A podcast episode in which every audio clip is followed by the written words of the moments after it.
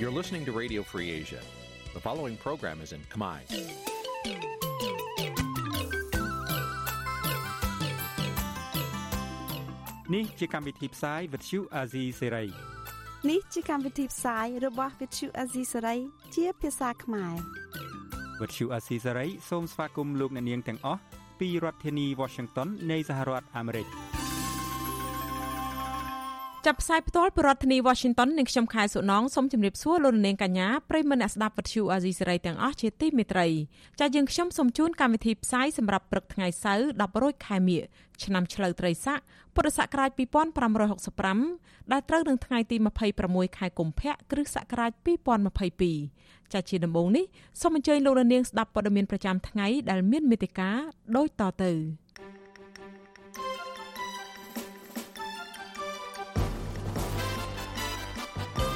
ក្រសួងការបរទេសថាកម្ពុជាគ្មានពលរដ្ឋនិងនិស្សិតខ្មែរនៅប្រទេសអ៊ុយក្រែននោះទេកតកោ Nagaworld ប្រកាសបន្តទៀមទាតុលាការឲ្យដោះលែងតំណាងសហជីពនិងកម្មករ11នាក់ដែលកំពុងជាប់ឃុំមេធាវីអំពាវនាវតុលាការឲ្យពន្លឿនការជំនុំជម្រះក្តីសកម្មជនបកប្រឆាំងដែលមានបញ្ហាសតិអារម្មណ៍សង្គមស៊ីវិលអំពាវនាវឲ្យរដ្ឋាភិបាល ទប់ស្កាត់បទល្មើសព្រៃកោងកាងនៅខេត្តកោះកុងរួមនឹងព័ត៌មានផ្សេងៗមួយចំនួនទៀត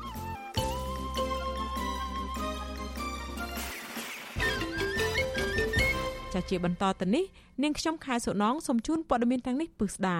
ចាលោកនាងជាទីមេត្រីក្រសួងការបរទេសបញ្ជាក់ប្រាប់វិទ្យុអាស៊ីសេរីកាលពីយប់ថ្ងៃទី25ខែកុម្ភៈម្សិលមិញថាកម្ពុជាគ្មានពលរដ្ឋនិងនិស្សិតខ្មែរនៅប្រទេសអ៊ុយក្រែននោះទេ អ្នកនាំពាក្យក្រសួងការបរទេសលោកជុំសន្តិរីឲ្យដឹងថាស្ថានទូត និងសមាគមនិស្សិតខ្មែរនៅប្រទេសរុស្ស៊ីបានឲ្យដឹងថាគ្មានពលរដ្ឋនិងនិស្សិតខ្មែរកំពុងជាប់នៅប្រទេសអ៊ុយក្រែននោះឡើយ។ការអះអាងនេះធ្វើឡើងបន្ទាប់ពីមានក្តីបារម្ភពីសវត្ថិភាពរបស់ពលរដ្ឋខ្មែរដែលអាចនៅជាប់គាំងក្នុងប្រទេសអ៊ុយក្រែនដែលកំពុងមានសង្គ្រាមជាមួយប្រទេសរុស្ស៊ីនៅក្នុងសប្តាហ៍នេះ កាលពីថ្ងៃទី24ខែកុម្ភៈលោកនាយករដ្ឋមន្ត្រីហ៊ុនសែនថ្លែងថាលោកចង់ឃើញចំនួននេះដោះស្រាយដោយសន្តិវិធីលោកបន្តថាចំពោះអាស៊ាននឹងពិភាក្សារឿងនេះដោយស្ងៀមស្ងាត់ហើយមិនទាន់មានសេចក្តីថ្លែងការណ៍រួមមួយចេញនៅឡើយទេ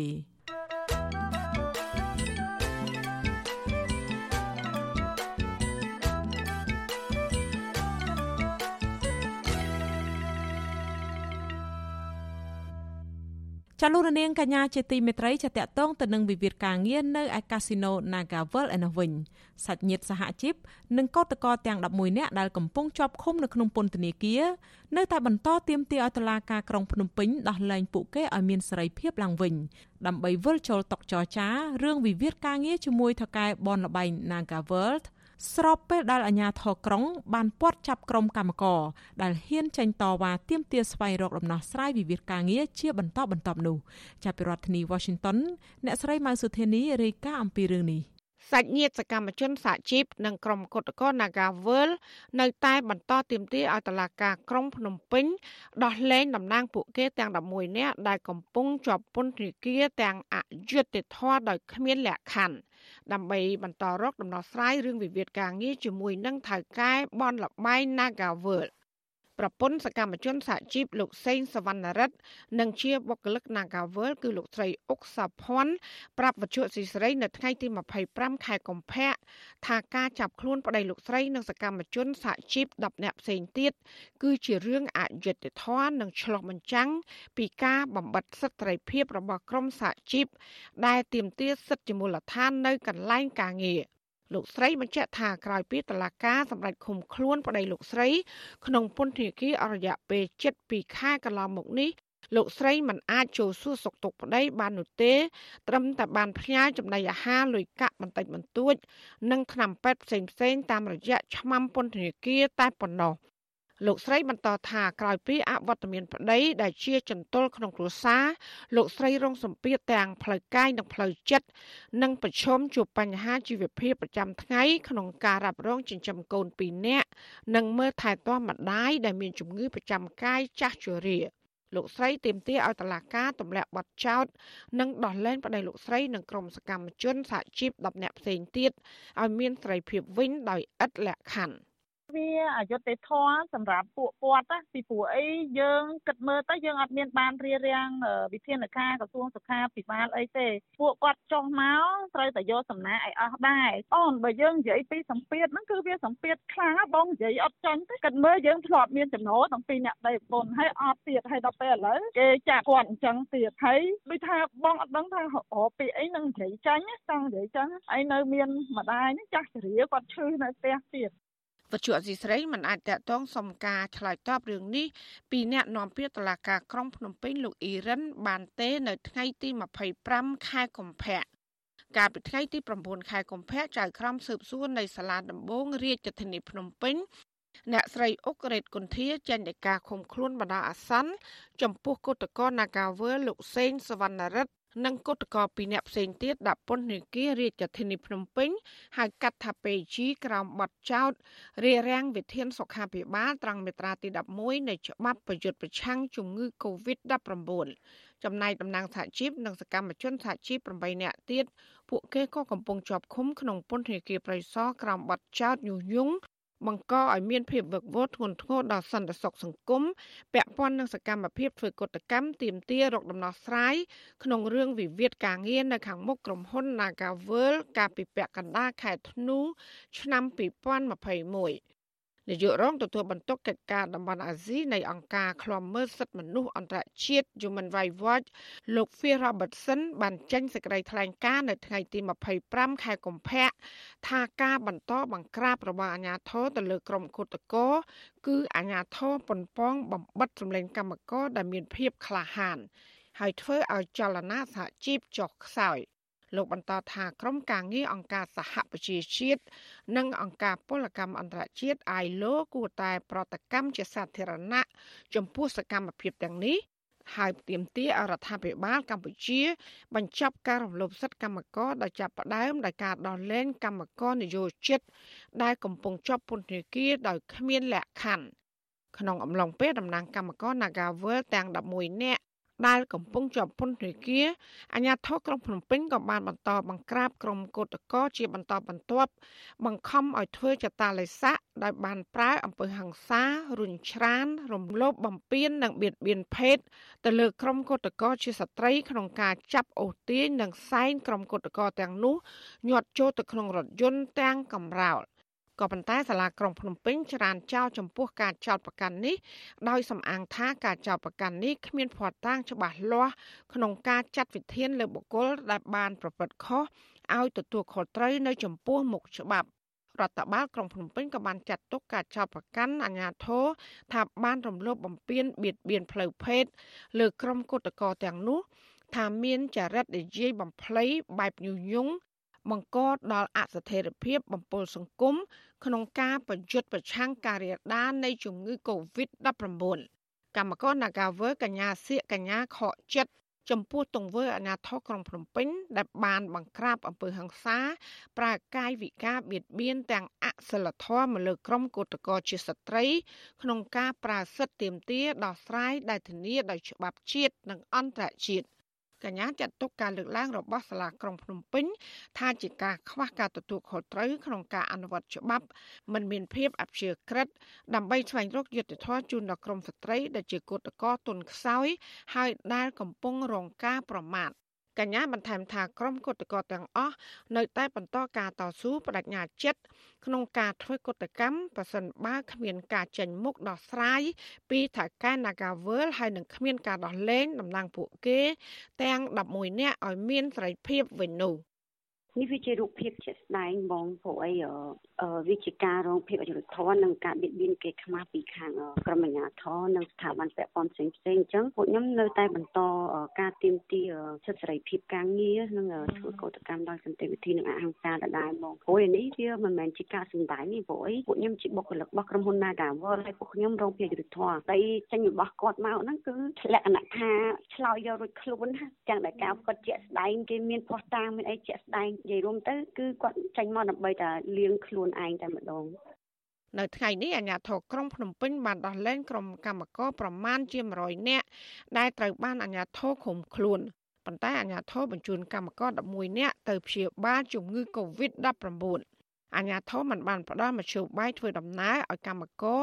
ដែលត្រូវចេញពីមណ្ឌលឃុំខ្លួននោះទេ គឺពួកគេខ្លះបានប្រើប្រាស់មធ្យោបាយផ្ទាល់ខ្លួន។ វត្ថុអសីស្រីមិនអាចតតងแนะនាំពាក្យស្នងការនគរបាលរាជធានីភ្នំពេញលោកសានសុកសីហានិងแนะនាំពាក្យសាលារាជធានីភ្នំពេញ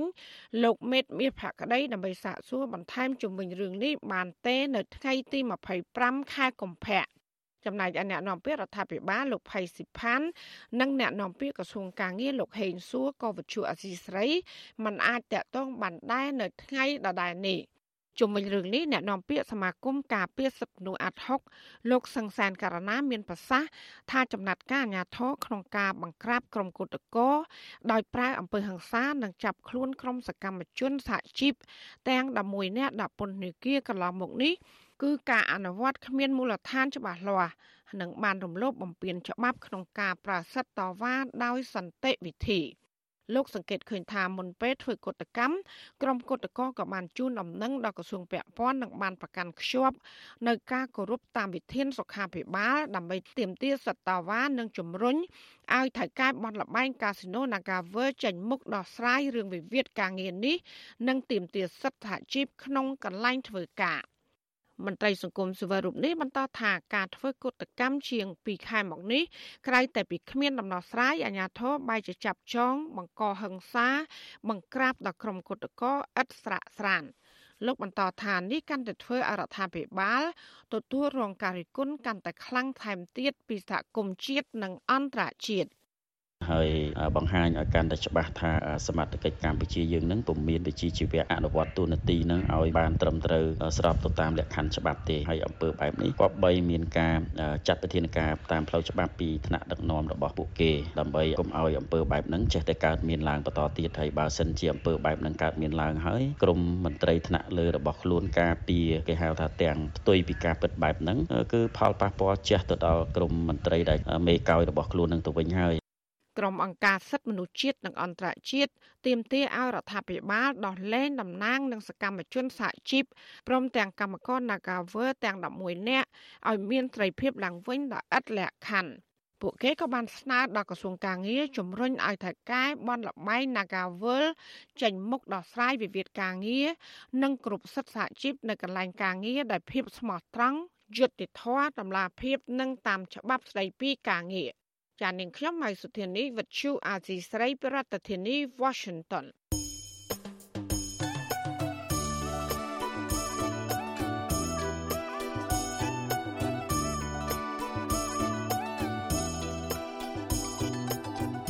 ចាលោករនាងកញ្ញាជាទីមេត្រីលោករនាងកំពុងស្ដាប់ការផ្សាយរបស់វិទ្យុអាស៊ីសេរីចាលោករនាងជាទីមេត្រី ដំណើរគ្នាដែលលោកនាងកំពុងស្ដាប់ការផ្សាយផ្ទាល់របស់វិទ្យុអាស៊ីសេរីតាមបណ្ដាញសង្គម Facebook និង YouTube នេះចាលោកនាងក៏អាចស្ដាប់វិទ្យុរលក ធាតុអាកាសខ្លីឬ Shortwave តាមកម្រិតនិងកម្ពស់ដូចតទៅនេះពេលព្រឹកចាប់ពីម៉ោង5កន្លះដល់ម៉ោង6កន្លះតាមរយៈរលកធាតុអាកាសខ្លី9390 kHz ស្មើនឹងកម្ពស់ 32m និង11850 kHz ស្មើនឹងកម្ពស់ 25m នៅពេលយប់ពីម៉ោង7កន្លះដល់ម៉ោង8កន្លះតាមរយៈរលកធាតុអាកាសខ្លី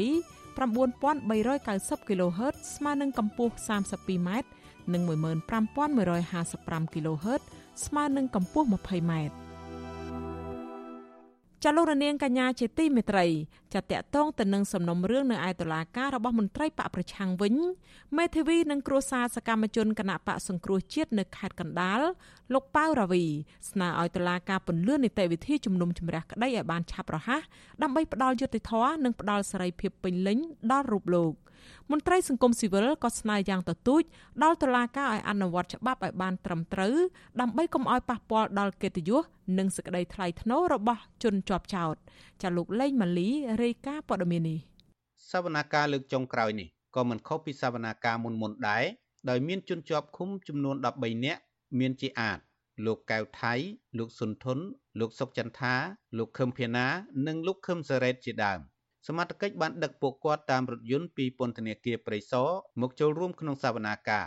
ប្រធានក្រុមប្រឹក្សាជំនុំជម្រះសាលាដំបងរាជធានីភ្នំពេញលោករស់ពិសិដ្ឋមិនបានសួរដេញដោលសកម្មជនទាំងនោះទេ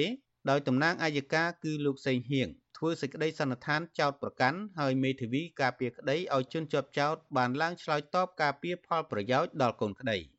តំណាងអាយកាបានព្យាយាមលើកយកអង្គហេតុពាក់ព័ន្ធនឹងយុទ្ធនាការបង្កើតចលនាសង្គ្រោះជាតិនៅក្រៅប្រទេសគម្រោងធ្វើមាតុភូមិនិវត្តរបស់ប្រធានស្ដីទីគណៈបកសង្គ្រោះជាតិគឺលោកសំរងស៊ីកាលពីខែវិច្ឆិកាឆ្នាំ2019 នឹងការបង្ហោះសាររិះគន់អំពីវិធានការទប់ស្កាត់ការរាតត្បាតជំងឺ Covid-19 របស់រដ្ឋាភិបាលលោកសេងហៀងបានលើកយកអង្គហេតុទាំងនោះដាក់បន្ទុកលើជនជាប់ចោតនិងបានស្នើតុលាការឲ្យផ្តន្ទាទោសកម្មជនបកប្រឆាំងទាំងនោះចំនួន3បទចោតគឺបទញុះញង់បង្កឲ្យមានភាពវឹកវរធ្ងន់ធ្ងរដល់សន្តិសុខសង្គមរួមគំនិតក្បត់និងបទញុះញង់កុំឲ្យយោធិនស្ដាប់បង្គាប់បន្ទាប់ពីចាក់បង្ហាញវីដេអូចប់ហើយ ចៅក្រមរស់ពិសិដ្ឋក៏ប្រកាសបិទបញ្ចប់សវនកម្មនៅម៉ោង11ថ្ងៃត្រង់ហើយតុលាការនឹងប្រកាសសាលក្រមសំណុំរឿងនេះនៅថ្ងៃទី17ខែមីនាខាងមុខសមាជិកបានដឹកជនជាប់ចោតទៅពន្ធនាគារព្រៃសរវិញក្រោយពេលចប់សវនាការនៅព្រឹកថ្ងៃដដែលនេះទោះជាយ៉ាងណាក្តីមេធាវីការពារក្តីជនជាប់ចោតបានប្រតិកម្មនឹងសំណើសុំរបស់តំណាងអាយកានេះថាជាការមិនត្រឹមត្រូវឡើយ មេធាវីការពារក្តីឲ្យសកម្មជនបកប្រឆាំងលោកសំសុគង្គនៅតែមើលឃើញថាអង្គហេតុទាំងនោះមិនអាចដាក់បន្ទុកលើកូនក្តីរបស់លោកបានទេពីព្រោះដើមមិនដឹងគ្មានភស្តុតាងគ្រប់គ្រាន់លោកស្នើដល់ប្រធានក្រុមប្រឹក្សាជំនុំជម្រះឲ្យចេញសាលក្រមលើកលែងការចោទប្រកាន់និងដោះលែងកូនក្តីឲ្យមានសេរីភាពឡើងវិញពីព្រោះពួកគេមិនបានប្រព្រឹត្តខុសច្បាប់អ្វីឡើយចុងក្រោយនោះគឺ កូនក្តីទាំងអស់ដែលកំពុងតែជាប់ពន្ធនាគារហ្នឹងក៏បានធ្វើការកត់សម្គាល់ហើយស្នើសុំឲ្យតុលាការហ្នឹងឲ្យពួកខ្លួនហ្នឹងបានរួចផុតពីបទចោទតាមនីតិវិធីដែលបានស្នើសុំដោយសារពួកគាត់អាងថាពួកគាត់មិនបានប្រព្រឹត្តដោយការចោទប្រកាន់ហើយក៏មិនមានផុតតាងដើម្បីដាក់ទុកលើពួកគាត់ផងដែរអញ្ចឹងក្រុមមេធាវីយល់ឃើញថាបើយើងពិនិត្យទៅលើអង្គហេតុក៏ដូចជាអង្គច្បាប់ក៏ថាអង្គហេតុនេះដាច់ចេញពីគ្នាគឺអង្គហេតុចាស់អង្គហេតុថ្មីហើយមិនមានទំនាក់ទំនងគ្នាទេដោយលើកមុនមុនដែរសវនកម្មនេះ មានការចូលរួមក្លំមើលពីតំណាងទូតសហភាពអឺរ៉ុបតំណាងអង្គការសហប្រជាជាតិទទួលបន្ទុកសិទ្ធិមនុស្សក្រុមអង្គការសង្គមស៊ីវិលនិងសាច់ញាតិរបស់ជនជាប់ចោតជាច្រើនអ្នកចំណែកនៅខាងក្រៅរបងតុលាការវិញអាជ្ញាធរបានដាក់ពង្រាយកងកម្លាំងជាច្រើនអ្នកប៉ុន្តែមិនមានក្រុមគ្រួសាររបស់មន្ត្រីបកប្រឆាំងនិងអ្នកគ្រប់គ្រងឃ្លាំមើលសកម្មភាពដោយពេលមុនមុននោះទេប្រពន្ធសកម្មជនគណៈបកសង្គ្រោះជាតិលោកកៅថៃគឺលោកស្រីសំចិន្តា ដែលបានចូលស្ដាប់ក្នុងបន្ទប់សវនាការថ្លែងថាសេចក្តីសន្និដ្ឋានរបស់តំណាងអัยការមិនឆ្លុះបញ្ចាំងការពិតទេនិងជាការរៀបចំដើម្បីមួលបង្កាច់ទម្លាក់កំហុសមកលើប្តីរបស់លោកស្រី និងសកម្មជនដទៃទៀតដោយអយុត្តិធម៌លោកស្រីចាត់ទុកនីតិវិធីរបស់តុលាការបែបនេះថា ជារឿងមិនអាចទទួលយកបាន និងគ្រាន់តែជាការសម្ដែងល្ខោនលេងសើចដើម្បីផ្គប់ចិត្តលោកនាយករដ្ឋមន្ត្រីហ៊ុនសែនតែប៉ុណ្ណោះ ដាក់បន្ទុកនេះខ្ញុំមិនអាចទទួលយកបានទេសវនាការនេះព្រោះដាក់បន្ទុកទៅលើក្រុមគ្រួសារខ្ញុំរហូតរយៈពេលជិត2ឆ្នាំហើយគឺអាចយុទ្ធធម៌បំផុតមកលើក្រុមគ្រួសារខ្ញុំខាងអ្នកជាប់ទោសទាំងប្រមាណហ្នឹងចាដែលចាប់ប្រកាន់តថាខាងញុះញង់អីហ្នឹងព្រោះប្តីខ្ញុំមានធ្វើអីផងប្តីខ្ញុំតាំងពីទៅលេគណៈបកទៅគាត់ធ្វើតែគ្រូបង្រៀនគាត់គាត់ទៅបរៀនតមកចោតគាត់អញ្ចឹងគឺមិនសមស្របសោះហើយចា វិទ្យុអស៊ីសេរីមិនអាចតាក់ទងแนะនាំពាក្យសាលាដំបងរាជធានីភ្នំពេញលោកអ៊ីរិនដើម្បីសុំសេចក្តីអធិប្បាយជំវិញបញ្ហានេះបានទេនៅថ្ងៃទី24កុម្ភៈជំវិញរឿងនេះដែរប្រធានសមាគមការពារសិទ្ធិមនុស្សអាតហុកលោកនីសុខានៅតែយល់ថារឿងក្តីក្តាមនេះជាវិវាទនយោបាយដែលតំណាងអាយកាមិនគួរចោទប្រកាន់លើជនជាប់ចោទបែបនេះទេលោកបញ្ជាក់ថាសកម្មជនបកប្រឆាំងទាំងនេះមិនបានប្រព្រឹត្តខុសច្បាប់អ្វីនោះទេ ប៉ុន្តែពួកគេគ្រាន់តែអនុវត្តសិទ្ធិសម្ដែងមតិដែលធានាដោយរដ្ឋធម្មនុញ្ញប៉ុណ្ណោះ ដូច្នេះបើយើងយកសកម្មភាពនោះមកធ្វើការចោតប្រកាន់ទៅជាកំហុសអានេះហើយដែលយើងឃើញថាជាការបំពានទៅលើគោលការណ៍ច្បាប់ធ្ងន់ធ្ងរណាស់វាអត់មានអីក្រៅពីការដោះស្រាយចរចាគ្នាខាងផ្លូវនយោបាយទេកុំឲ្យយកប្រព័ន្ធតឡាការទៅធ្វើការលេងសើចនៅក្នុងនៃចំនួនអ្នកនយោបាយវាធ្វើឲ្យអាប់អោនធ្វើឲ្យប៉ះពាល់ដល់តម្លៃរបស់ប្រព័ន្ធយុតិធធម៌ហើយអញ្ចឹងវាទទួលរងនឹងការរិះគន់ទាំងមតិជាតិទាំងមតិអន្តរជាតិចំពោះប្រព័ន្ធយុតិធធម៌យើងដែលគេមើលឃើញអំពីភាពខ្វះឯករាជ្យរបស់ប្រព័ន្ធយុតិធធម៌យើងនៅក្នុងដំណើរការទៅដោះស្រាយក្តីក្នុងរឿងវិវាទនយោបាយនឹងសាលាដំបងរាជធានីភ្នំពេញបានចោទប្រកាន់សកម្មជនបកប្រឆាំងចំនួន42នាក់នេះពីបទរួមគំនិតក្បត់និងញុះញង់ពាក់ព័ន្ធនឹងដំណើរមាតុភូមិនិវត្តរបស់លោកសំរងស៊ីកាលពីឆ្នាំ2019កន្លងមកអង្គការសង្គមស៊ីវិលជាតិនិងអន្តរជាតិជាច្រើនស្ថាប័នបានចាត់ទុករឿងក្តីក្តាមនេះ ថាជាការធ្វើទុកបុកម្នេញផ្នែកនយោបាយនិងស្នើដល់តុលាការឲ្យទម្លាក់ចោលការចោទប្រកាន់និងដោះលែងជនជាប់ឃុំទាំងនោះឲ្យមានសេរីភាពវិញដោយគ្មានលក្ខខណ្ឌសាច់ញាតិនិងមេធាវីរំពឹងថាតុលាការនឹងដោះលែងសកម្មជនបកប្រឆាំងទាំងនោះឲ្យមានសេរីភាពវិញនៅខែក្រោយនេះខ្ញុំបាទលេងម៉ាលីវិទ្យុអស៊ីសេរីរាយការណ៍ពីរដ្ឋធានី Washington ចាលោករនាងកញ្ញាជាទីមេត្រី សមាគមធៀងថ្នោត រកឃើញថាប្រជាពលរដ្ឋជិត960គ្រួសារក្នុងរាជធានីភ្នំពេញប្រឈមទៅនឹងការបណ្តេញចេញដោយសារពួកគេពុំមានសិភៅគ្រួសារឬលិខិតស្នាក់នៅផ្សេងផ្សេងដែលបញ្ហានេះបង្កឲ្យមានហានិភ័យតាក់ទងទៅនឹងសវត្ថភាពកាន់កាប់ដីធ្លីចាសសូមលោកនាងរងចាំស្ដាប់បទសម្ភាសន៍ជំវិញបញ្ហានេះនៅក្នុងការផ្សាយរបស់យើងនៅពេលបន្តិចទៀតនេះចាសសូមអរគុណ thank you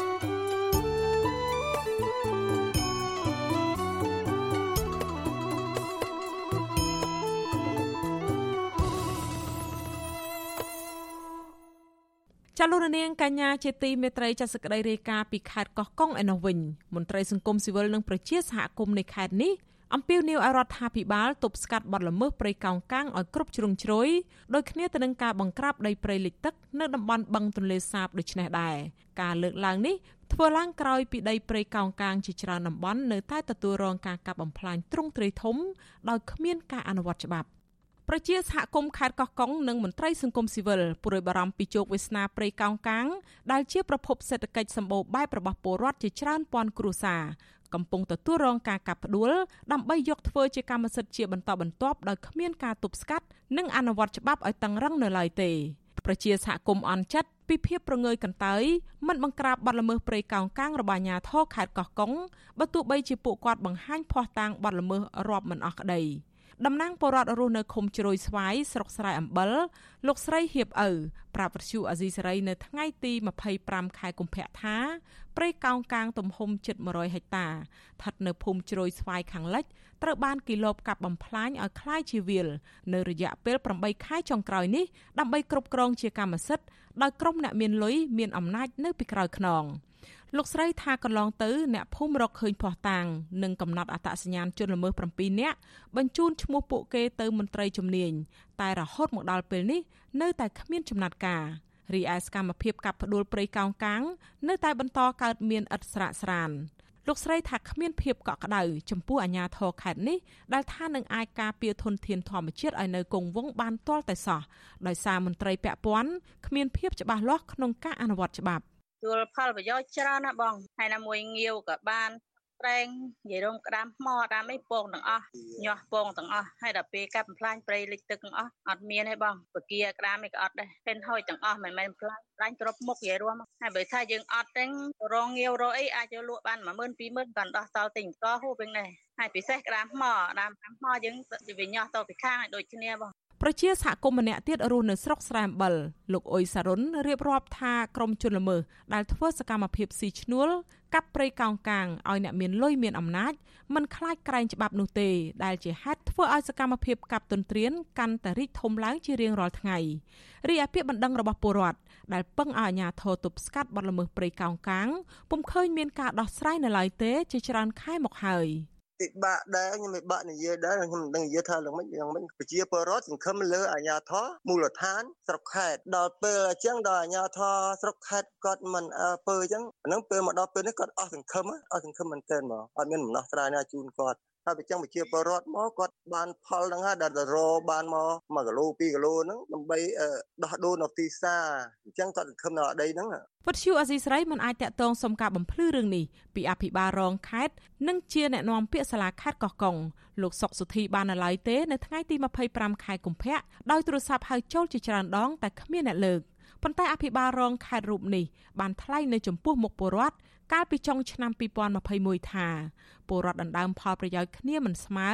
ទើបកើតមានរឿងរ៉ាវទាំងនេះលោកបញ្ជាក់ថាដីព្រៃកោងកាងជាទ្រព្យសម្បត្តិរបស់រដ្ឋនៅតែជាដីរបស់រដ្ឋដដែលបើទោះបីជាមានការកាប់រៀនក្តីវិទ្យុអាស៊ីសេរីមិនអាចតាក់ទងសុំការបំភ្លឺរឿងនេះពីប្រធានមន្ទីរបរិស្ថានខេត្តកោះកុងលោកហ៊ុនម៉ារ៉ាឌីនិងអភិបាលខេត្តកោះកុងអ្នកស្រីមិថុនាភូថងបាននៅឡើយទេនៅថ្ងៃដដែលនេះ រីឯប្រធានអង្គភិបអ្នកណែនាំពាក្យរដ្ឋាភិបាលលោកផៃស៊ីផានបដិសេធមិនបំភ្លឺរឿងនេះទេដោយរុញឲ្យទៅសួរអាជ្ញាធរខេត្តកោះកុងវិញតែយ៉ាងណាលោកផ្ដាំឲ្យពលរដ្ឋមូលដ្ឋានអាចសរសេរញត្តិបង្ហាញក្តីកង្វល់របស់ខ្លួនផ្ញើចូលទំព័រ Facebook ផ្លូវការរបស់លោកនាយករដ្ឋមន្ត្រីហ៊ុនសែនប្រសិនបើមន្ត្រីមូលដ្ឋានមិនដោះស្រាយចំពោះរឿងនេះយើងទៅសេសបត់ចូល page ផសម្ដេចទៅចូលទៅអាចឆ្លើយលោកនឹងចាត់ចែងក្រុមអ្នក ឆ្លើយមិនដែលថាគេមិនឆ្លើយទេអានឹងការពិតនោះប្រជាសហគមន៍រកឃើញថាដីព្រៃកោងកាងស្ថិតនៅចំណុចភ្នំពយអាគីណេតទល់នឹងចំណុចព្រែករូង ឃុំប្រែកខ្សាច់ស្រុកគិរីសាគរត្រូវក្រុមឈ្មួញនៅអាជ្ញាធរខ្លះខົບខិតគ្នាឈូសឆាយចាក់ដីលុបនិងកាប់ទន្ទ្រានធ្វើអាជីវកម្មអស់ជាង200ហិកតានៅរយៈពេលជាង2ឆ្នាំចុងក្រោយនេះរីឯសហគមន៍តំបន់ការពារធម្មជាតិជ្រោយស្វាយក៏កំពុងប្រឈមការកាប់ទន្ទ្រានដីព្រៃកោងកាងអស់100ហិកតានៅរយៈពេលជាង5ខែចុងក្រោយនេះ។ ជុំវិញរឿងនេះមន្ត្រីសម្របសម្រួលសមាគមអាត6ខេត្តកោះកុងលោកថោងច័ន្ទអារាគិតថាបើគ្មានប័ណ្ណបញ្ជាផ្ទាល់ពីលោកនាយករដ្ឋមន្ត្រីហ៊ុនសែនទេនោះលោកគ្មានសង្ឃឹមថានឹងអាចទប់ស្កាត់បទល្មើសព្រៃកោងកាងមានប្រសិទ្ធភាពយូរអង្វែងឡើយលោកអំពីវនាវឲ្យលោកនាយករដ្ឋមន្ត្រីហ៊ុនសែនគួរតែចេញប័ណ្ណបញ្ជាផ្ទាល់ដើម្បីដោះស្រាយបញ្ហានេះឲ្យមានប្រសិទ្ធភាព ជំនាញអាញាថោអីទៅថាធ្វើការទៅថាភ្នែកងាកចាំមើលទៅលើទៅបើមើលលើមិនមិនមាត់ទេអាក្រោមមកទៅតែស្ងាត់ស្ងាត់ចឹងទៅវាដូចតាមជាបរដ្ឋធម្មតាទៅគេជំនាញដំណាត់ការទៅបើមើលទៅខ្នងធំខ្លែធំក៏ចេះតែស្ងៀមស្ងៀមអីចឹងឬមួយក៏គេដោះស្រាយស្ងាត់ស្ងាត់អីបៀបសម្រុកសម្រួលអីថាផ្អាអីអីចឹងទៅបើថាបើដំណាត់ការផ្លូវច្បាប់ជាមួយអ្នកមានខ្សែមានខ្នងដូចមិនដែលឃើញធ្វើអីចេញជាដុំកពូតអីទេបាទ ពលរដ្ឋខេត្តកោះកុងរាប់ពាន់គ្រួសារចាត់ទុកព្រៃកោងកាង គឺជាឆ្នាំងបាយនិងជាប្រភពម្ហូបអាហារត្រីសាច់និងក្តាមខ្យងសម្បូរបែបធ្វើឲ្យពួកគាត់មានជីវភាពធូរធារមិនធ្វើចំណាក់ស្រុក អ្នកភូមិថាសម្រស់ព្រៃកោងកាងបង្កើតសោភ័ណភាពស្រស់បំព្រងគួរតែអាជ្ញាធរថែទាំឲ្យបានល្អដើម្បីទាញប្រយោជន៍ពីទេសភាពមកបម្រើវិស័យទេសចររក្សាការពារតម្លៃនៃធនធានធម្មជាតិឲ្យមាននិរន្តរភាពនិងបង្កើតឱកាសការងារដល់ប្រជាសហគមន៍តាមរយៈភ្ញៀវទេសចរ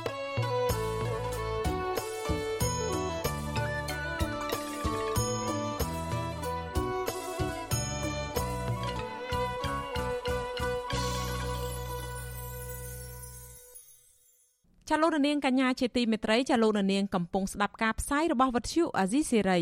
ក្រុមមេធាវីក្រសួងវប្បធម៌និងវិចិត្រសិល្បៈកំពុងពន្លឿននីតិវិធីក្នុងការដាក់ពាក្យបណ្ដឹងប្រឆាំងក្រុមហ៊ុន Sing Biotech ទៅតុលាការករណីឈូសឆាយដីព្រៃបង្កឲ្យថ្មចម្លាក់ប្រាសាទបុរាណចំនួន2កន្លែង គឺប្រាសាទលាវចោមនិងប្រាសាទត្រពាំងក្របៅរងការបាក់បែកដួលរលំស្ថិតនៅក្នុងភូមិអាចេនឃុំកំពង់ចាមស្រុកសម្បូរខេត្តក្រចេះ ប្រធានមន្ទីរវប្បធម៌និងវិចិត្រសិល្បៈខេត្តក្រចេះលោកទេពវាសនាបានប្រាប់វិទ្យុអាស៊ីសេរីកាលពីយប់ថ្ងៃទី25ខែកុម្ភៈថាក្រោយពីប្រជាសហគមន៍ជនជាដើមភាគតិចស្ទៀងដែលរស់នៅក្នុងភូមិអាចេនបានរាយការណ៍ពីសកម្មភាពរបស់ក្រុមហ៊ុនឈូសឆាយដីព្រៃ ធ្វើឲ្យរលំថ្មចម្លាក់ប្រាសាទទាំងនោះមកអាជ្ញាធរនិងក្រុមការងារនៃមន្ទីរវប្បធម៌និងវិចិត្រសិល្បៈខេត្តក៏បានចុះអន្តរាគមន៍ដល់ទីកន្លែងដើម្បីឲ្យបញ្ឈប់ការឈូសឆាយនិងបានប្រមូលយកចម្លាក់ពីថ្មប្រាសាទបែកបាក់នោះមករក្សាទុកនៅសារមន្ទីរវប្បធម៌ខេត្តជាបណ្ដោះអាសន្នរួចហើយចំពោះប្រាសាទហ្នឹង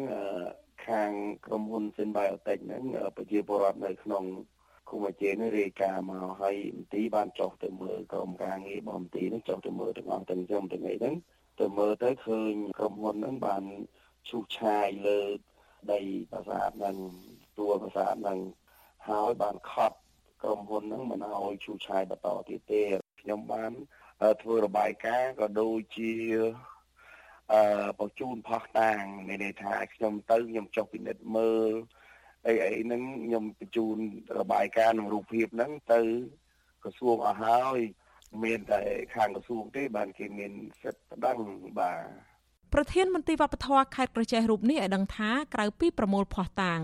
និងថតរូបភាពនៃទីទួលប្រាសាទបាក់បែកនោះ ក្រុមការងាររបស់មន្ទីរសហការជាមួយគណៈបញ្ជាការខេត្តបានណែនាំដល់ភាគីក្រុមហ៊ុនឲ្យបោះបង្គោលកំណត់ព្រំប្រទល់ទីតាំងទួលប្រាសាទបុរាណលើផ្ទៃដីជិត1ហិកតាជាបណ្ដោះអាសន្ននិងត្រូវដាក់ការយាមកាមជាប្រចាំដើម្បីការពារពីការបំផ្លិចបំផ្លាញតាមគ្រប់រូបភាពផ្សេងទៀតក្រុមហ៊ុន Sing Biotech គឺជាក្រុមហ៊ុនអាជីវកម្មឈើខ្នាតធំមួយនៅជាប់តំបន់ព្រៃឡង់នៃខេត្តក្រចេះ កាលពីខែមិថុនាឆ្នាំ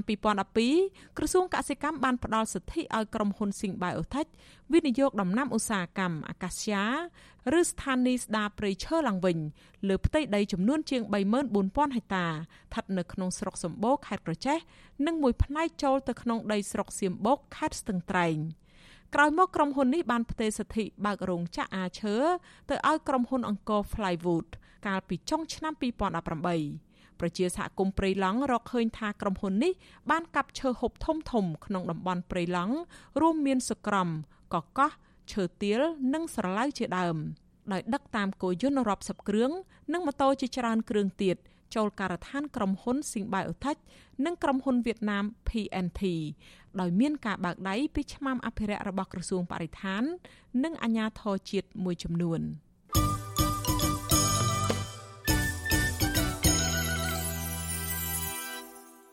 ចាលោករនាងកញ្ញាជាទីមេត្រីនៅឯខេត្តកោះកុងដែរតាក់ទងទៅនឹងបញ្ហាវិវាទដីធ្លីជាមួយក្រុមហ៊ុនចិនវិញប្រជាពលរដ្ឋមួយចំនួនដែលមានទំនាស់ដីធ្លីជាមួយក្រុមហ៊ុនចិន Union Development Group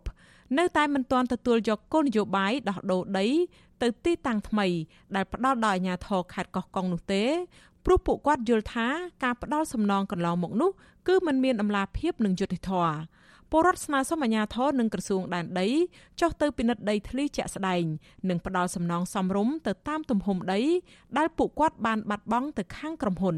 ចាលោកទីនសាការីយ៉ារាយការណ៍អំពីរឿងនេះប្រជាពលរដ្ឋជាង60គ្រួសារនៅស្រុកគិរីសាគរនិងបទុមសាគរដែលមានចំនួនដីធ្លីជាមួយក្រុមហ៊ុនចិន Union Development Group ឲ្យដឹងថា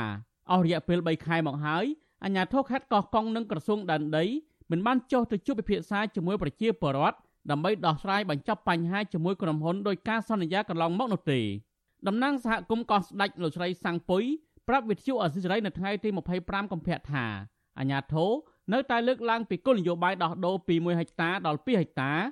ឲ្យពួកគាត់ទៅរស់នៅទីតាំងថ្មីដដែលដោយគ្មានការផ្ដល់ដំណោះស្រាយណាមួយប្រសើរជាងនេះទេលោកស្រីបន្តថាប្រជាពលរដ្ឋភ័យច្រើន មានដីផ្ទះនិងដីចម្ការ ចាប់ពី5ហិកតារហូតដល់20ហិកតា ប៉ុន្តែអាជ្ញាធរមិនគិតគូរផ្ដល់សំណងតាមទំហំដីដែលស្ថិតនៅក្នុងគម្រោងក្រុមហ៊ុននោះទេក្រៅតែពីបង្ខំនិងគម្រិតកំហែងឲ្យបរដ្ឋឲ្យទទួលយកសំណងតាមគោលនយោបាយរដ្ឋាភិបាលទៅវិញលោកស្រីសាំងពុយដែលមានដី8ហិកតាហើយត្រូវអាជ្ញាធរផ្ដល់ដី2ហិកតានៅទីតាំងថ្មីយល់ថាការផ្ដល់ដំណោះស្រាយបែបនេះគឺជារឿងអយុត្តិធម៌មិនអាចទទួលយកបាននោះទេតំណាងបរដ្ឋដែលចេញស្វែងរកដំណោះស្រាយពីស្ថាប័នរដ្ឋជាង10ឆ្នាំមកហើយនោះ ស្នើអរដ្ឋាភិបាលកិត្តគូផ្ដល់សំណងជូនប្រជាពលរដ្ឋឲ្យបានសមរម្យជាងនេះ គាត់ក៏មិនចង់ទៅដកដូរទៅនៅកន្លែងថ្មីទេ ខាងអាជ្ញាធរថាมันអាចទុកឲ្យបងប្អូននៅបានទេព្រោះកន្លែងហ្នឹងតាមប្រទានឲ្យក្រុមហ៊ុនចិនញូញៀនហើយយើងក៏ព្រមទទួលយកតែបើសិនតែឲ្យដកស្រាយឲ្យមានយុតិធធម៌ជាងនឹងតែថាបងប្អូនអាចរស់នៅបានប្រកបអាជីពបានឬក៏អីបានអញ្ចឹងឲ្យមើលកន្លែងដែលបងប្អូនទៅរស់នៅកន្លែងថ្មីហ្នឹងអញ្ចឹងណាហើយដោះស្រាយឲ្យសមរម្យតាមទៅប្រភេទដីរបស់បងប្អូន កាលពីខែតុលាឆ្នាំ2021អាជ្ញាធរខេត្តកោះកុងបានប្រាប់ឲ្យពលរដ្ឋដែលមិនទាន់ធ្វើកិច្ចសន្យាទទួលយកគោលនយោបាយពីរដ្ឋាភិបាលឲ្យប្រញាប់ទៅជួបអាជ្ញាធរដើម្បីចាប់ដីឡូបើមិនចង់បាត់បង់ផលប្រយោជន៍នៅពេលខាងមុខទេនោះអាជ្ញាធរបញ្ជាក់ថាបើសិនជាពលរដ្ឋខកខានមិនមកទទួលយកដំណោះស្រាយដីធ្លីនេះទេអាជ្ញាធរចាត់ទុកថាពលរដ្ឋបោះបង់សិទ្ធិទទួលយកគោលនយោបាយដោះស្រាយបញ្ហាដីធ្លីពីរដ្ឋាភិបាល ហើយអាជ្ញាធរមិនទទួលខុសត្រូវរាល់ការបាត់បង់ផលប្រយោជន៍របស់ប្រជាពលរដ្ឋឡើយរដ្ឋាភិបាលសម្រេចបែងចែកពលរដ្ឋជាង1300នាក់ចេញជាពីរ3ប្រភេទពលរដ្ឋប្រភេទទី1ដែលរស់នៅក្នុងទីតាំងវិនិយោគក្រុមហ៊ុន មានចំនួន247គ្រួសារ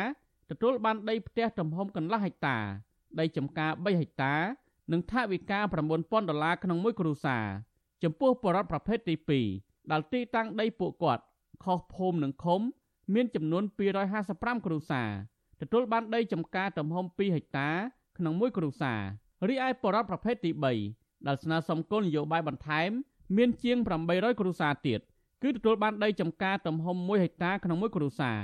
ចំណែកប្រជាពលរដ្ឋស្នើសុំដីសម្បត្តិសង្គមកិច្ចអាជ្ញាធរខេត្តកោះកុងអះអាងថារដ្ឋាភិបាលនឹងធ្វើការដោះស្រាយតាមក្រោយវិទ្យុអសិរ័យមិនអាចសុំការឆ្លើយតបរឿងនេះពីអភិបាលរងខេត្តកោះកុងទទួលបន្ទុកវិវាទដីធ្លី លោកសុកសុទ្ធីនិងរដ្ឋលេខាធិការក្រសួងដែនដីលោកទេពថននៅថ្ងៃទី25កុម្ភៈបានទេជុំវិញនឹងរឿងនេះអ្នកសម្របសម្រួលនៃអង្គការសិទ្ធិមនុស្សលីកាដូប្រចាំខេត្តកោះកុងលោកហូអ៊ីនមានប្រសាសន៍ថាករណីអាញាធរខេត្តកោះកុងនិងក្រសួងដែនដីមិនពន្លឿនការដោះស្រាយជូនពលរដ្ឋនៅសេសសល់នេះគឺបង្ហាញពីការមិនទទួលខុសត្រូវនិងភាពបរាជ័យរបស់អាញាធរក្នុងចំនួនដីធ្លីដ៏រ៉ាំរ៉ៃមួយនេះលោកយល់ថាអាញាធរនិងក្រសួងដែនដីគួរតែស្វែងរកដំណោះស្រាយថ្មីល្អជាងនេះ ដែលស្របទៅតាមទំហំដីជាក់ស្ដែងរបស់ពួកគាត់ដែលបានបាត់បង់ទើបចំនួនអាចបញ្ចប់ទៅបាន។ អាជ្ញាធរទៅដោះស្រាយសំណងឲ្យបានសមរម្យព្រោះដីធ្លីរបស់ប្រកបមានច្រើនមានច្រើនជាងចំនួនដែលអាជ្ញាធរផ្ដល់ឲ្យណាខ្លះប្រជាពលរដ្ឋមានដីដល់20ហិកតា10ហិកតាអ្វីដែលគាត់ទទួលបានប្រភេទទី2បានដីតែ2ហិកតាអញ្ចឹងវាខុសពីអ្វីដែលដែលបានសន្យាជាមួយពួកគាត់តាំងពីពេលមុនសម្ដីថ្នាក់ដឹកនាំគឺគឺមានតម្លៃធ្វើឲ្យប្រជាពលរដ្ឋចងចាំហើយពេលដែលជាសន្យាហើយមិនបានធ្វើតាមការសន្យាឬក៏សន្យាឲ្យតែរួចខ្លួនពេលដែលប្រជាពលរដ្ឋតបបានហើយពេលដែលប្រជាពលរដ្ឋឈប់តបហើយស្ងាត់ឈឹងអត់មានការដោះស្រាយនេះបង្ហាញថាការមិនទទួលខុសត្រូវហើយក្រុមហ៊ុនចិន Union Development Group បានទទួលដីសម្បត្តិសេដ្ឋកិច្ចនៅចំកណ្ដាលអូឈានជាតិបទុមសាគរក្នុងខេត្តកោះកុងសរុបជាង45000ហិកតាពីរដ្ឋាភិបាលលហ៊ុនសែនកាលពីឆ្នាំ2008ដើម្បីសាងសង់ទីក្រុងទេសចរដ៏ធំមួយដែលត្រូវចំណាយទឹកប្រាក់ជិត4000លានដុល្លារគម្រោងអភិវឌ្ឍនេះបានបណ្ដាលឲ្យប្រជាពលរដ្ឋខ្មែរជាង1300គ្រួសារត្រូវចាកចេញពីលំនៅឋាននិងដីធ្លីរបស់ពួកគេ កាលពីឆ្នាំ2021ក្រសួងរដ្ឋាភិបាលអាមេរិកបានសម្រេចដាក់ទណ្ឌកម្មក្រុមហ៊ុននេះក្រោយពីរកឃើញថាក្រុមហ៊ុនចិនមួយនេះមានពាក់ព័ន្ធនឹងអំពើពុករលួយ ការច្បាមយកដីនិងរំលោភសិទ្ធិមនុស្សនៅកម្ពុជាក្រមប្រជាពលរដ្ឋដែលមិនព្រមទទួលយកគោលនយោបាយដីធ្លីនេះស្នើសុំរដ្ឋាភិបាលបើកវេទិកាពិភាក្សាជាមួយពលរដ្ឋនិងផ្ដល់សំណងសមរម្យដែលអាចទទួលយកបានក្រមប្រជាពលរដ្ឋប្រកាន់ចំហថាប្រសិនបើអាជ្ញាធរមិនស្វែងរកដំណោះស្រាយល្អជាងនេះទេ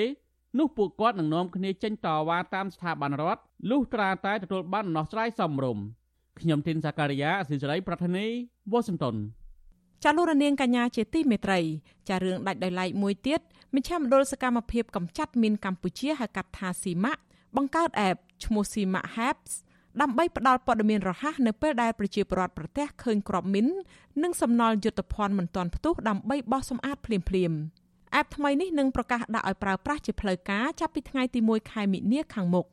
តាមរយៈប្រព័ន្ធ app នេះប្រជាពលរដ្ឋគ្រាន់តែថតរូបក្របយុទ្ធភ័ណ្ឌមិនទាន់ផ្ទុះឬផ្ដល់ព័ត៌មានអំពីទីតាំងដែលប្រទះឃើញរួចផ្ញើមកអង្គភាពស៊ីម៉ាក់ក្រុមការងារអាចឆ្លើយតបជាបន្ទាន់ដើម្បីទៅបោសសម្អាត។រយៈពេល30ឆ្នាំមកនេះស៊ីម៉ាក់បានបោសសម្អាតសំណល់យុទ្ធភ័ណ្ឌសេះសល់ពីសង្គ្រាមរួមមានក្របមីនប្រមាណពី4ទៅ6លានគ្រាប់ គ្រាប់បែកចង្កោមទម្លាក់ពីយន្តហោះប្រមាណ30លានកូនគ្រាប់និងគ្រាប់បែកទម្លាក់ពីយន្តហោះទម្ងន់សរុបជិត3លានតោននិងគ្រាប់យុទ្ធភ័ណ្ឌមិនទាន់ផ្ទុះដទៃទៀតយ៉ាងច្រើនចាប់តាំងពីឆ្នាំ1979រហូតដល់ឆ្នាំ2019ប្រជាពលរដ្ឋខ្មែរប្រមាណជិត20,000នាក់បានស្លាប់ដោយសារគ្រាប់មីននិងរងរបួសព្រមទាំងពីការដៃជើងជាង45,000នាក់ផ្សេងទៀត។ រដ្ឋាភិបាលកម្ពុជាបដិញ្ញាបោះសម្អាតមីនឲ្យអស់ពីកម្ពុជាត្រឹមឆ្នាំ2025ដោយត្រូវការថវិកាប្រមាណជិត380លានដុល្លារអាមេរិកសម្រាប់បោះសម្អាតក្របមីននិងក្របសំណល់ជាតិផ្ទុះពីសង្គ្រាមនៅលើផ្ទៃដីប្រមាណ806គីឡូម៉ែត្រការ៉េ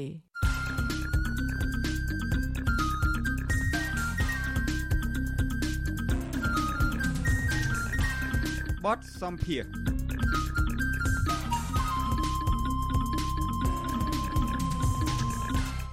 ចាលោករនាងកញ្ញាជាទីមេត្រីសមាគមធៀងថ្នោតរកឃើញប្រជាពលរដ្ឋជិត960គ្រួសារក្នុងរាជធានីភ្នំពេញប្រឈមទៅនឹងការបណ្តេញចេញដោយសារពួកគេពុំមានសិភៅគ្រួសារឬលិខិតស្នាក់នៅផ្សេងផ្សេងដែលអាចបង្កឲ្យមានហានិភ័យតាក់ទងទៅនឹងសវត្ថិភាពកាន់កាប់ដីធ្លីម្យ៉ាងវិញទៀតគ្រួសារមួយចំនួនបានប្រឈមទៅនឹងការបណ្តេញចេញដោយបង្ខំក្នុងរយៈពេល5ឆ្នាំចុងក្រោយនេះ។ ប្រជាសហគមន៍ចំនួន42ក្នុងរាជធានីភ្នំពេញភ ieck ច្រើនមិនត្រូវបានគេយកចិត្តទុកដាក់បន្ថែមពីលើនេះនៅមានបញ្ហាជាច្រើនរាប់ចាប់ពីភាពមិនទៀងទាត់នៃប្រាក់ចំណូលអសវត្ថភាពដីធ្លី ការថែទាំសុខភាព ការអប់រំរបស់កុមារនិងអនាម័យជាដើម ហើយបញ្ហាទាំងនេះហាក់ដូចជាត្រូវបានគេមើលរំលងដោយភាគីពាក់ព័ន្ធ ចាសសូមលោកនាងស្ដាប់បទសម្ភាសន៍របស់លោកទីនហ្សាការីយ៉ា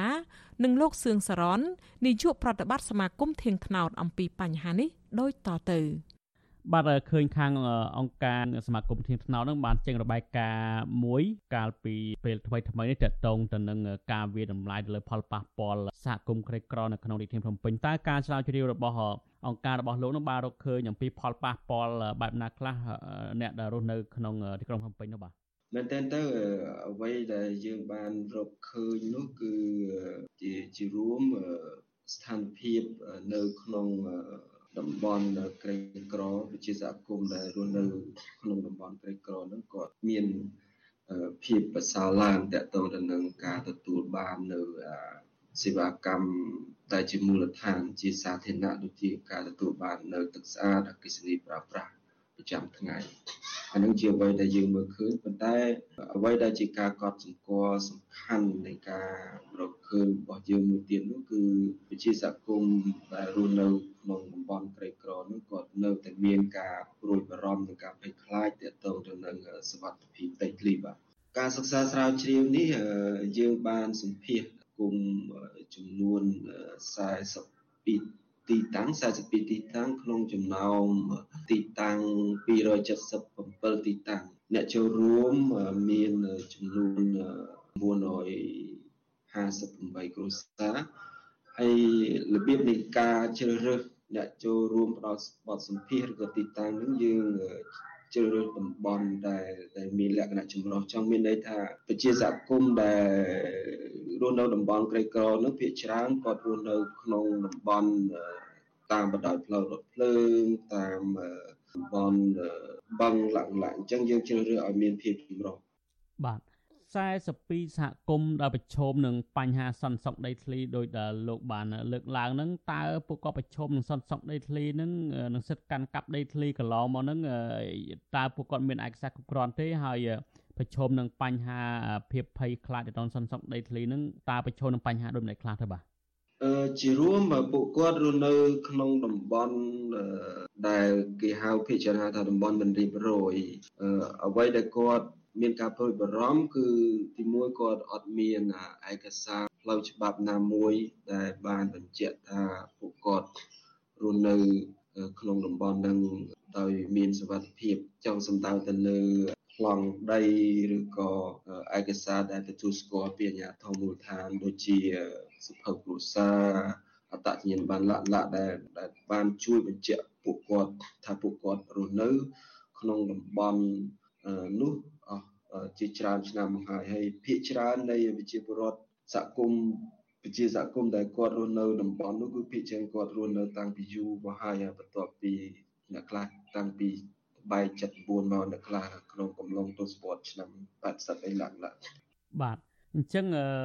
កត្តាអ្វីជាកត្តាចម្បងដែលពួកគាត់កន្លងមកដល់លោកលើកឡើងថាមិនមានឯកសារផ្លូវច្បាប់ត្រឹមត្រូវទាក់ទងការកាន់កាប់ដីធ្លីនោះបាទដូចបានលើកឡើងខាងលើអញ្ចឹងដើម្បីទទួលបាននៅការចុះបញ្ជីត្រឹមត្រូវវាត្រូវតែមានការវាតម្លៃពីអាជ្ញាធរដែលទទួលខុសត្រូវនឹងដូច ជាមន្ទីររៀបចំដែនដីនិងនគររូបនីយកម្មឡើងឡាហើយដើម្បីទទួលបានការចុះបញ្ជីជាលក្ខណៈប្រព័ន្ធលុត្រាតែមានការភ័ស្តុតាងបង្ហាញផ្សេងផ្សេងដែលបង្ហាញថាពួកគាត់នៅនៅក្នុងរយៈពេលយូរអញ្ចឹងខណៈពេលដែលគាត់ខ្វះខាតនៅឯកសារកតិយុត្តមួយចំនួនដើម្បីបង្ហាញធ្វើឲ្យអានេះជាកត្តាមួយដែលដែលមានការលំបាកសម្រាប់ពួកគាត់ក្នុងការទទួលបាននឹងការជំនួយជីចុះតកតងទៅនឹង ហានិភ័យឬក៏បញ្ហាប្រឈមតកតងទៅនឹងសន្តិសុខកាន់កាប់ដីធ្លីឬក៏ប្រឈមនឹងការបណ្ដឹងចេញវិញតើពួកគាត់រងប្រឈមបែបណាហើយអ្វីដែលជាកត្តាជំរុញដែលធ្វើឲ្យពួកគាត់ប្រឈមបែបនេះទេបាទអ្វីដែលគាត់មានការព្រួយបារម្ភជាការប្រឈមសំខាន់របស់គាត់គឺមែនទែនទៅនៅពេលដែលដែលពួកគាត់អត់មានប្លង់កាន់កាប់ច្បាស់លាស់ធ្វើឲ្យគាត់មានការព្រួយបារម្ភ មួយមួយទៀតដោយសារតែសហគមន៍ក្រីក្រភាគច្រើនគាត់រស់នៅក្នុងតំបន់ដែលដីសាធារណៈបរដ្ឋចង់មានន័យថាតំបន់ដែលនៅបឹងជុំវិញបឹងឬក៏តំបន់ដែលតាមបណ្ដោយផ្លូវរថភ្លើងឬក៏បន្លាយដែលដែលនេះជាជាអ្វីដែលដែលយើងមើលឃើញថាឬក៏តាមលក្ខណៈផ្លូវច្បាប់គឺភាពមិនច្បាស់លាស់ហើយការមិនទទួលបានប្លង់កម្មសិទ្ធិធ្វើគាត់មានការព្រួយបារម្ភ ហើយការផ្ដល់ប្លង់កម្មសិទ្ធិសម្រាប់ពួកគាត់វាវាជាបញ្ហាប្រឈមមួយដែលគាត់បានខិតខំប្រឹងប្រែងដើម្បីទទួលបាននៅដំណោះស្រាយមួយដែលមានការទទួលយកបានទាំងសងខាងចង់មានន័យថាទាំងវិជាសហគមន៍និងអាជ្ញាធរក៏ដូចជាក្រុមហ៊ុនអភិវឌ្ឍបាទបាទការដែលព្រួយបារម្ភហ្នឹងអញ្ចឹងមានន័យថាជាសរុបក្តីមកវិញដោយសារតែឥឡូវហ្នឹងខាងក្រុមហ៊ុនអភិវឌ្ឍហ្នឹងទៅតំបន់គាត់នឹងច្រើនឬក៏យ៉ាងម៉េចបាទ វាមិនមែនមានន័យអញ្ចឹងទេប៉ុន្តែយើងក៏លេចមើលបទពិសោធន៍ពីមុនមុនមកដោយករណីបរិយកីឡាឬក៏ករណីបង្កក់នៅពេលដែលមានការអភិវឌ្ឍកើតឡើងដំណោះស្រាយវាទាមទារឲ្យមានការចូលរួមពីពីគ្រប់ភាគីដើម្បីធានាថាដំណោះស្រាយនីតិវិធីនៃការដោះស្រាយនោះវាវាប្រកបដោយ តម្លាភាពនិងគណនេយ្យភាពនិងការទទួលបាននៅយុត្តិធម៌ទាំងសងខាងប៉ុន្តែតកតងទៅនឹងការអភិវឌ្ឍថ្មីថ្មីនៅក្នុងតំបន់សហគមន៍យើងដែលយើងធ្វើការជាមួយឬក៏ដែលយើងបានសុភានេះមិនទាន់មានអ្វីជាការកត់សម្គាល់តកតងនឹងការអភិវឌ្ឍនៅឡើយទេបាទបាទទាំង42សហគមន៍នឹងតើសហគមន៍ប្រមាណដែលកំពុងតែប្រឈមទៅនឹងការបណ្ដឹងចេញឬក៏ឈោមនឹងការបណ្ដឹងចេញពីក្រុមហ៊ុនឯកជននោះបាទ តកតងនឹងចំណុចនេះដូចអត់ទាន់បានបញ្ជាក់ទេលោកសាកាយាប៉ុន្តែអ្វីដែលយើងរកឃើញកាលពីឆ្នាំ2018ហ្នឹងសហគមន៍ទាំង277ទីតាំងហ្នឹងគឺគាត់ប្រឈមនឹងការមានន័យថាដូចជា80%នៃសហគមន៍ហ្នឹងគឺគាត់មានអារម្មណ៍មិនច្បាស់លាស់តកតងទៅនឹងភាពនៃការកាន់កាប់ដីធ្លីរបស់គាត់ណា ជាដំណោះស្រាយទៅវិញតើការរកឃើញរបស់លោកហើយអ្វីជាដំណោះស្រាយដែលធ្វើឲ្យពួកគាត់ទាំងអស់នឹងពុំមានការភ័យខ្លាចទៅនឹងការភ័យខ្លាចពីការបណ្ដឹងចេញនេះបាទជាជារួមយើង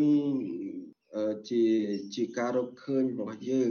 វិជាសហគមន៍គាត់មានសំណុំពរមួយចំនួនដែលគាត់ចង់ឲ្យទី1គឺសំណុំពរដល់ អាជ្ញាធររដ្ឋលោកផ្ដល់ដំណោះស្រាយមួយប្រកបដោយយុត្តិធម៌ជាពិសេសមុនពេលដែលមានការបណ្ដឹងចេញឬក៏ការផ្លាស់ទីលំនៅត្រូវតែមានការពិគ្រោះយោបល់ឲ្យបានត្រឹមត្រូវហើយនឹងផ្ដល់សំណងឲ្យបានគ្រប់គ្រាន់ ហើយអ្វីដែលពួកគាត់ចង់បាន គឺមិនមែនជាការផ្លាស់ទីលំនៅទេគឺឲ្យមានការអភិវឌ្ឍនៅនឹងកន្លែងអញ្ចឹងរាល់ការពិគ្រោះយោបល់ការពិភាក្សាគ្នារវាងអាជ្ញាធររដ្ឋនិងសហគមន៍ដែលរងផលប៉ះពាល់គួរតែត្រូវបានធ្វើឡើងប្រកបដោយគណនេយ្យភាពនិងតម្លាភាពបាទបាទអរគុណច្រើនលោកសឿងសរនបាទបាទបាទអរគុណច្រើនលោកសកយាចា លោកនាងកញ្ញាជាទីមេត្រីចាលោកនាងទៅបានស្ដាប់បទសម្ភាសរបស់លោកទីនសាការីយ៉ាជាមួយលោកសឿងសារ៉នជានាយកប្រតិបត្តិនៃសមាគមធៀងថ្នោត អំពីបញ្ហាប្រជាពលរដ្ឋជិត960គ្រួសារក្នុងរាជធានីភ្នំពេញប្រឈមទៅនឹងការបណ្តេញចេញ និងប្រឈមនឹងជំពាក់បំណុលធនាគារ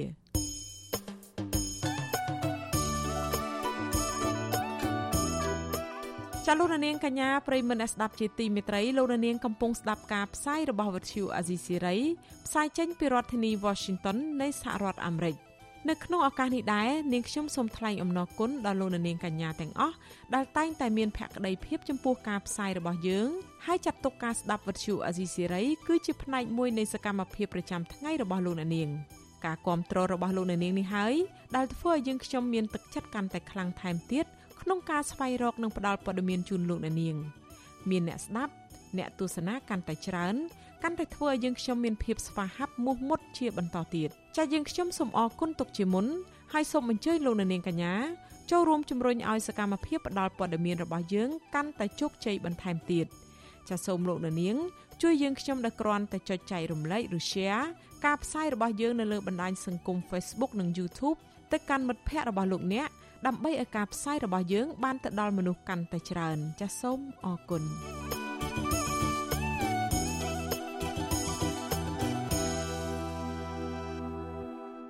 ចាលោកនាងកញ្ញាជាទីមេត្រី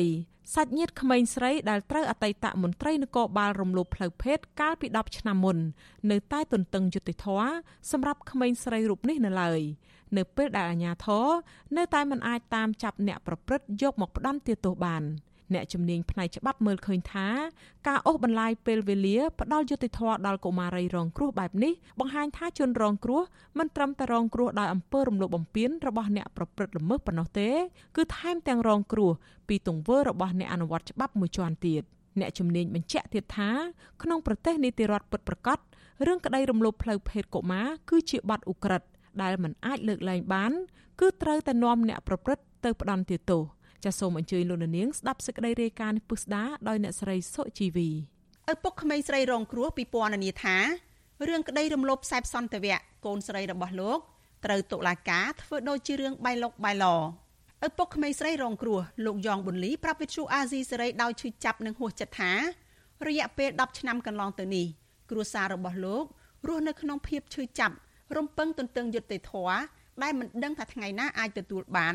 ដោយសារតែអាជ្ញាធរមិនអាចចាប់ជនល្មើសមកដាក់ទោសទណ្ឌបានរឿងគេអីគ្រាន់តែខ្លះជេរ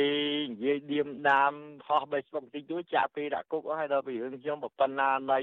លោកក្មេងអាយុ11ឆ្នាំអីមនុស្សរួចខ្លួនដដែលហើយឈ្នះតាំងពីរាជការដំបងអតោកពូឈ្នះអស់ហើយឈ្នះបានតែกระដាស់ហើយចំណងអាលុយអត់បានអាមនុស្សអត់ជាប់គុកហ្នឹងវាឈឺចិត្តដែរលោកប៊ុនលីរំលឹកថាកូនស្រីរបស់លោក មានអាយុត្រឹម11ឆ្នាំត្រូវមន្ត្រីនគរបាលឈ្មោះកងសុផាតចាប់រំលោភកាលពីថ្ងៃទី15ខែសីហាឆ្នាំ2010លោកបានប្តឹងរឿងនេះទៅតុលាការដោយមានទឹកតាំងនិងលទ្ធផលកសលវិច័យគ្រប់គ្រាន់ថាជនល្មើសពិតជាបានរំលោភកូនស្រីលោកពិតប្រាកដមែនហើយតុលាការខេត្តប្រសេះអនុបានចេញដីកាចាប់ខ្លួនមន្ត្រីនគរបាលលោកកងសុផាត បញ្ជូនទៅតុលាការប៉ុន្តែមិនបានប៉ុន្មានផងតុលាការបានសម្រេចដោះលែងទៅវិញ ដោយមានអ្នកធានាឲ្យនៅក្រៅឃុំ ពេលនោះជននោះបានគេចខ្លួនបាត់ក្រោយមកតុលាការខេត្តប្រសេះអនុបានកាត់ឲ្យលោកកងសុផាតជាប់ពន្ធនាគារ5ឆ្នាំនិងផ្ដាល់សំណងដល់ក្មេងស្រីរងគ្រោះចំនួន40លានរៀលព្រមទាំងចេញដីកាឲ្យតាមចាប់ខ្លួនជនជាប់ចោតប៉ុន្តែជនជាប់ចោតមិនសុខចិត្តបានបន្តរឿងនេះទៅសាលាឧទ្ធរដំបូងឡើយតុលាការជាន់ខ្ពស់មួយនេះសម្រាប់រក្សាសាលក្រមសាលាដំបងទុកជាបានការដដែល ប៉ុន្តែមួយសប្តាហ៍ក្រោយមកសាឡាវតូបានចេញដីកាលុបចោលការតាមចាប់ខ្លួនលោកកងសុផាតលោកប៊ុនលីបន្តថាពេលនោះជនជាប់ចោតបានលេចមុខនៅក្នុងភូមិថ្មីក្នុងសង្កាត់លេខ3ក្រុងប្រសិទ្ធអនុឡើងវិញភ្លាមភ្លាមដែរគេប្រាប់ប៉ូលីសប្រាប់អីចឹងខ្ញុំថាចេះមិនវាមកផ្ទះវាអត់ចាប់អត់អីចឹងដល់ប៉ូលីសទេប្រាប់ខ្ញុំវិញថា ចាំមិនគេមានដេកាអត់ចាប់អត់អីទេគេមានដេកាមកឥឡូវគេខាតមហាញប៉ូលីសមកអីចឹងចុងក្រោយគឺនៅក្នុងឆ្នាំ2016តុលាការកំពូលបានសម្រេចឲ្យសាលាដំបងចេញដីកាតាមចាប់ខ្លួនឈ្មោះកងសុផាតឡើងវិញព្រះរាជអាជ្ញារងលោកហួតវិចិត្របានចេញដីកាថ្មីមួយទៀតមានន័យសេចក្តីដោយដីកាចាស់គឺតាមចាប់ខ្លួនជនជាប់ចោតប៉ុន្តែ10ឆ្នាំមកនេះអាជ្ញាធរមិនបានចាប់ខ្លួនលោកកងសុផាតបានឡើយ បើទោះបីជាគ្រួសារក្មេងស្រីរងគ្រោះបានផ្ដល់ដំណឹងថាគេបានឃើញជនជាប់ចោតនៅក្នុងខេត្តភៀកអេសានមានដូចជាខេត្តរតនគិរី និងខេត្តក្រចេះជាដើមលើសពីនេះចំពោះសំណងចំនួន40លានរៀលតុលាការតម្រូវឲ្យដើមបណ្ដឹងរកឲ្យបាននៅទ្រព្យសម្បត្តិដែលមានឈ្មោះជនល្មើសដើម្បីឲ្យតុលាការរឹបអូសប៉ុន្តែលោកប៊ុនលីបញ្ជាក់ទាំងអស់សង្ឃឹមថាលោកនិងមេធាវីបានត្រឹមតែទទួលព័ត៌មានថាទ្រព្យសម្បត្តិទាំងអស់របស់ឈ្មោះកងសុផាតត្រូវបានលក់ និងផ្ទេរឈ្មោះតាំងពីឆ្នាំ2015មកម្លេះខ្ញុំមិនដឹងដែរថារឿងខ្ញុំហ្នឹងវាដូចប្លុកប្លោវិញចែកអីណាបាទវាហួសចិត្តវាឆ្អែតឆ្អល់មកដល់ពេលនេះកូនស្រីរបស់លោកប៊ុនលីមានអាយុជាង20ឆ្នាំហើយប៉ុន្តែនាងមិនមានស្មារតីពេញលេញដោយក្មេងស្រីទូទៅឡើយដោយសារតែនាងធ្លាប់មានបញ្ហាប្រាជ្ញាស្មារតីកាលពីនៅក្មេងតកតងនឹងការតាមចាប់ខ្លួនជនជាប់ចោតកងសុផាតនេះកាលពីចុងឆ្នាំ2021 សារព័ត៌មានក្នុងស្រុកបានចុះផ្សាយថាព្រះរាជអាជ្ញារងខេត្តប្រសិទ្ធអនុលោកហួតវិចិត្របានចេញដីកាតាមចាប់ខ្លួនជាថ្មីម្ដងទៀតវិទ្យុអាស៊ីសេរីមិនទាន់អាចសុំការបញ្ជាក់ពីការតាមចាប់ខ្លួនលោកកងសុផាតនេះពីស្នងការនគរបាលខេត្តប្រសិទ្ធអនុលោកជួននរិនបាននៅឡើយទេ កាលពីថ្ងៃទី24ខែកុម្ភៈប៉ុន្តែនគរបាលប៉ុស្តិ៍រដ្ឋបាលសង្កាត់ទី3លោកអុកផាណារ៉េតប្រាប់វិទ្យុអាស៊ីសេរីថាសមត្ថកិច្ចនៅតែតាមឃ្លាំមើលរឿងនេះមិនដាក់ដៃទេ ដើម្បីចាប់ខ្លួនជនជាប់ចោតគាត់ទៅស្នាក់នៅទីណាយើងអត់ទាន់បានដឹងម្ដងអញ្ចឹងបានដឹងថាស្នាក់នៅទីណានឹងរេការជូនថ្នាក់លើគាត់ចុះចាប់ហើយណាតែទោះជាយ៉ាងណាមន្ត្រីនគរបាលរូបនេះបានចុចបិទទូរស័ព្ទទៅវិញនៅពេលចោទសួរថាតើសមត្ថកិច្ចមានការលំបាកយ៉ាងណាខ្លះក្នុងការតាមចាប់ខ្លួនជនជាប់ចោទនេះតែទោះជាយ៉ាងណាអ្នកសម្របសម្រួលសមាគមការពារសិទ្ធិមនុស្សអាត6 អ្នកស្រីជាបសុធារីមើលឃើញថារឿងនេះខុសប្លែកគ្នាពីរឿងក្តីដតីផ្សេងមួយចំនួនទៀតដែលអាជ្ញាធរអាចតាមចាប់ខ្លួនអ្នកសង្ស័យបានយ៉ាងងាយស្រួលបើទោះជាអ្នកទាំងនោះបានគេចទៅដល់ក្រៅប្រទេសយ៉ាងណាក៏ដោយអ្នកស្រីថាអាជ្ញាធរមិនគួរបណ្ដោយឲ្យមានអំពើនីតិរដ្ឋភាពនៅតែកើតមាននៅក្នុងសង្គមខ្មែរបែបនេះបន្តទៀតឡើយចំណែកអ្នកជំនាញច្បាប់អន្តរជាតិវិញថាក្នុងប្រទេសនីតិរដ្ឋពិតប្រាកដគេមិនអាចដំណើរការរឿងក្តីបែបត្រឡប់ត្រលិនបានទេ ជាពិសេសក្នុងរឿងក្តីរំលោភបំពានផ្លូវភេទក្មេងស្រីបែបនេះចំណុចនេះបានរំលឹកទៅដល់រឿងក្តីរំលោភក្មេងស្រីខ្មែរដោយបរិះអាមេរិកកាំម្នាក់ត្រូវបានតុលាការនៅសហរដ្ឋអាមេរិកកាត់ទោសឲ្យជាប់ពន្ធនាគារ210ឆ្នាំដោយតុលាការច្រានចោលទាំងអស់រាល់ការសុំធានាឲ្យនៅក្រៅឃុំដោយសារតែនេះជាបទល្មើសធ្ងន់ធ្ងរមួយអតីតនាយទាហានចូលនិវត្តន៍លោក Michael Joseph Pep អាយុ68ឆ្នាំត្រូវបានឃាត់ខ្លួនកាលពីឆ្នាំ2006នៅកម្ពុជា និងបញ្ជូនទៅដាក់ពន្ធនាគារនៅសហរដ្ឋអាមេរិកតាំងពីឆ្នាំ2007បរិះរូបនេះមានទោសដោយសារទង្វើដ៏យង់ឃ្នងទៅលើក្មេងស្រីមានទាំងក្មេងស្រីដែលមានអាយុ9ឆ្នាំម្នាក់ផងដោយការឲ្យពួកគេប្រើប្រាស់គ្រឿងញៀនចងវាយធ្វើបាបថតរូបភាពអះអាភាសនិងចាប់រំលោភពួកគេអ្នកជំនាញច្បាប់និងនយោបាយអន្តរជាតិកញ្ញាសេងធីរីប្រាប់វិទ្យុអាស៊ីសេរីថាការបណ្តែតបណ្តោយឲ្យរឿងអយុត្តិធម៌បន្តអូសបន្លាយ និងការអនុវត្តច្បាប់តាមទំនឹងចិត្តរបស់តុលាការនៅកម្ពុជា បានធ្វើឲ្យពលរដ្ឋពិសេសក្មេងស្រីស្លូតត្រង់រងគ្រោះជាច្រើនលើកច្រើនសារឬមិនអាចរកការបញ្ចប់បានកញ្ញាថានៅពេលដែលការអនុវត្តច្បាប់ទៅជាលបឡែបែបនេះគ្មានមធ្យោបាយអ្វីក្រៅតែពីការផ្លាស់ប្ដូរអ្នកដឹកនាំចេញទេទើបអាចរកយុត្តិធម៌ឃើញបានចឹងអត់មានភ្ញាក់ផ្អើលអីប៉ុន្តែជាការស្រក់ទឹកភ្នែកម្ដងទៀតពេលលឺអែមលឺរឿងបែបហ្នឹង ពីព្រោះគាត់រងគ្រោះមិនមែនត្រឹមតែក្នុងការពេលវេលាដែលគេប្រព្រឹត្តលើគាត់ទេប៉ុន្តែតាំងពីនោះមកដល់សប្តាហ៍ថ្ងៃនឹងហើយការរងគ្រោះគាត់ចេះតែកើនឡើងកើនឡើងងាកទៅឪពុកក្មេងស្រីរងគ្រោះលោកយ៉ងប៊ុនលីវិញលោកថាមានតែមរៀមដៃ10សំណុំពរដល់អ្នកពាក់ព័ន្ធអ្នកមានអធិបុលទាំងឡាយជួយផ្ដល់យុត្តិធម៌ដល់គ្រួសារលោកផងលោកថាលោកបានសង្ស័យអំពីអំពើពុករលួយនៅក្នុងរឿងក្តីនេះហើយបានដាក់បណ្ដឹងទៅគ្រប់ច្រកល្ហក រាប់ទាំងអង្គភាពប្រឆាំងអំពើពុករលួយក្រសួងយុតិធធនិងខុទ្ទកាល័យលោកនាយករដ្ឋមន្ត្រីហ៊ុនសែនផងប៉ុន្តែលទ្ធផលបានត្រឹមតែថារឿងនេះគឺជារឿងរបស់តុលាការលោកថាបើទោះបីជាក្តីសង្ឃឹមថាមានយុត្តិធម៌នោះហាក់នៅឆ្ងាយពីរឿងក្តីដែលលោកពិពណ៌នាថាជារឿងបៃលុកបៃឡនេះក្តីក៏លោកអះអាងថា បើមានតុលាការណាអញ្ញាធនណា ដែលលោកអាចប្តឹងបានតទៅទៀតលោកនឹងតស៊ូតទៅទៀត បើទោះបីជាគ្រួសាររបស់លោកក្រីក្រយ៉ាងណាក្តីតឡាការស្រុកខ្មែរវាអត់យុទ្ធធរអញ្ចឹងបាយបិណ្ឌបាយបាតវិញខ្ញុំមិនយល់ដែរចង់និយាយថាអត់មានកន្លែងផ្សេងពួកខ្ញុំដឹងប្តឹងណាបើតឡាការវាអស់ហើយតឡាការស្រុកខ្មែរកំពូលអស់ហើយលើទៅដឹងនៅណាទៀតទាំងអ្នកច្បាប់និងសង្គមស៊ីវិលកោតសរសើរនិងអាណិតអាសូរដល់ការព្យាយាមស្វែងរកយុត្តិធម៌របស់គ្រួសារលោកប៊ុនលី នៅពេលដែលលោកមានមុខរបរត្រឹមតែជាកម្មករសំណង់និងរត់ម៉ូតូឌុបបានចំណាយពេលវេលា ថវិកានិងចិត្តតស៊ូអស់រយៈពេល10ឆ្នាំមកនេះនាងខ្ញុំសុជីវីវិទ្យុអាស៊ីសេរីពីរដ្ឋធានី Washington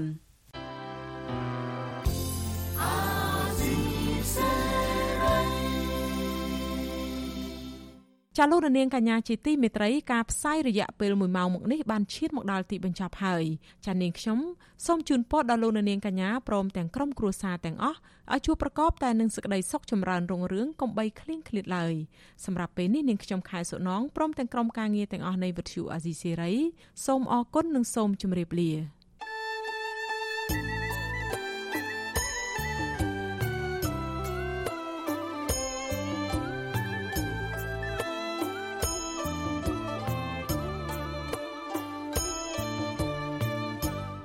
ទ្យុអេស៊ីសេរីផ្សាយតាមរលក ធាតុអាកាសខ្លី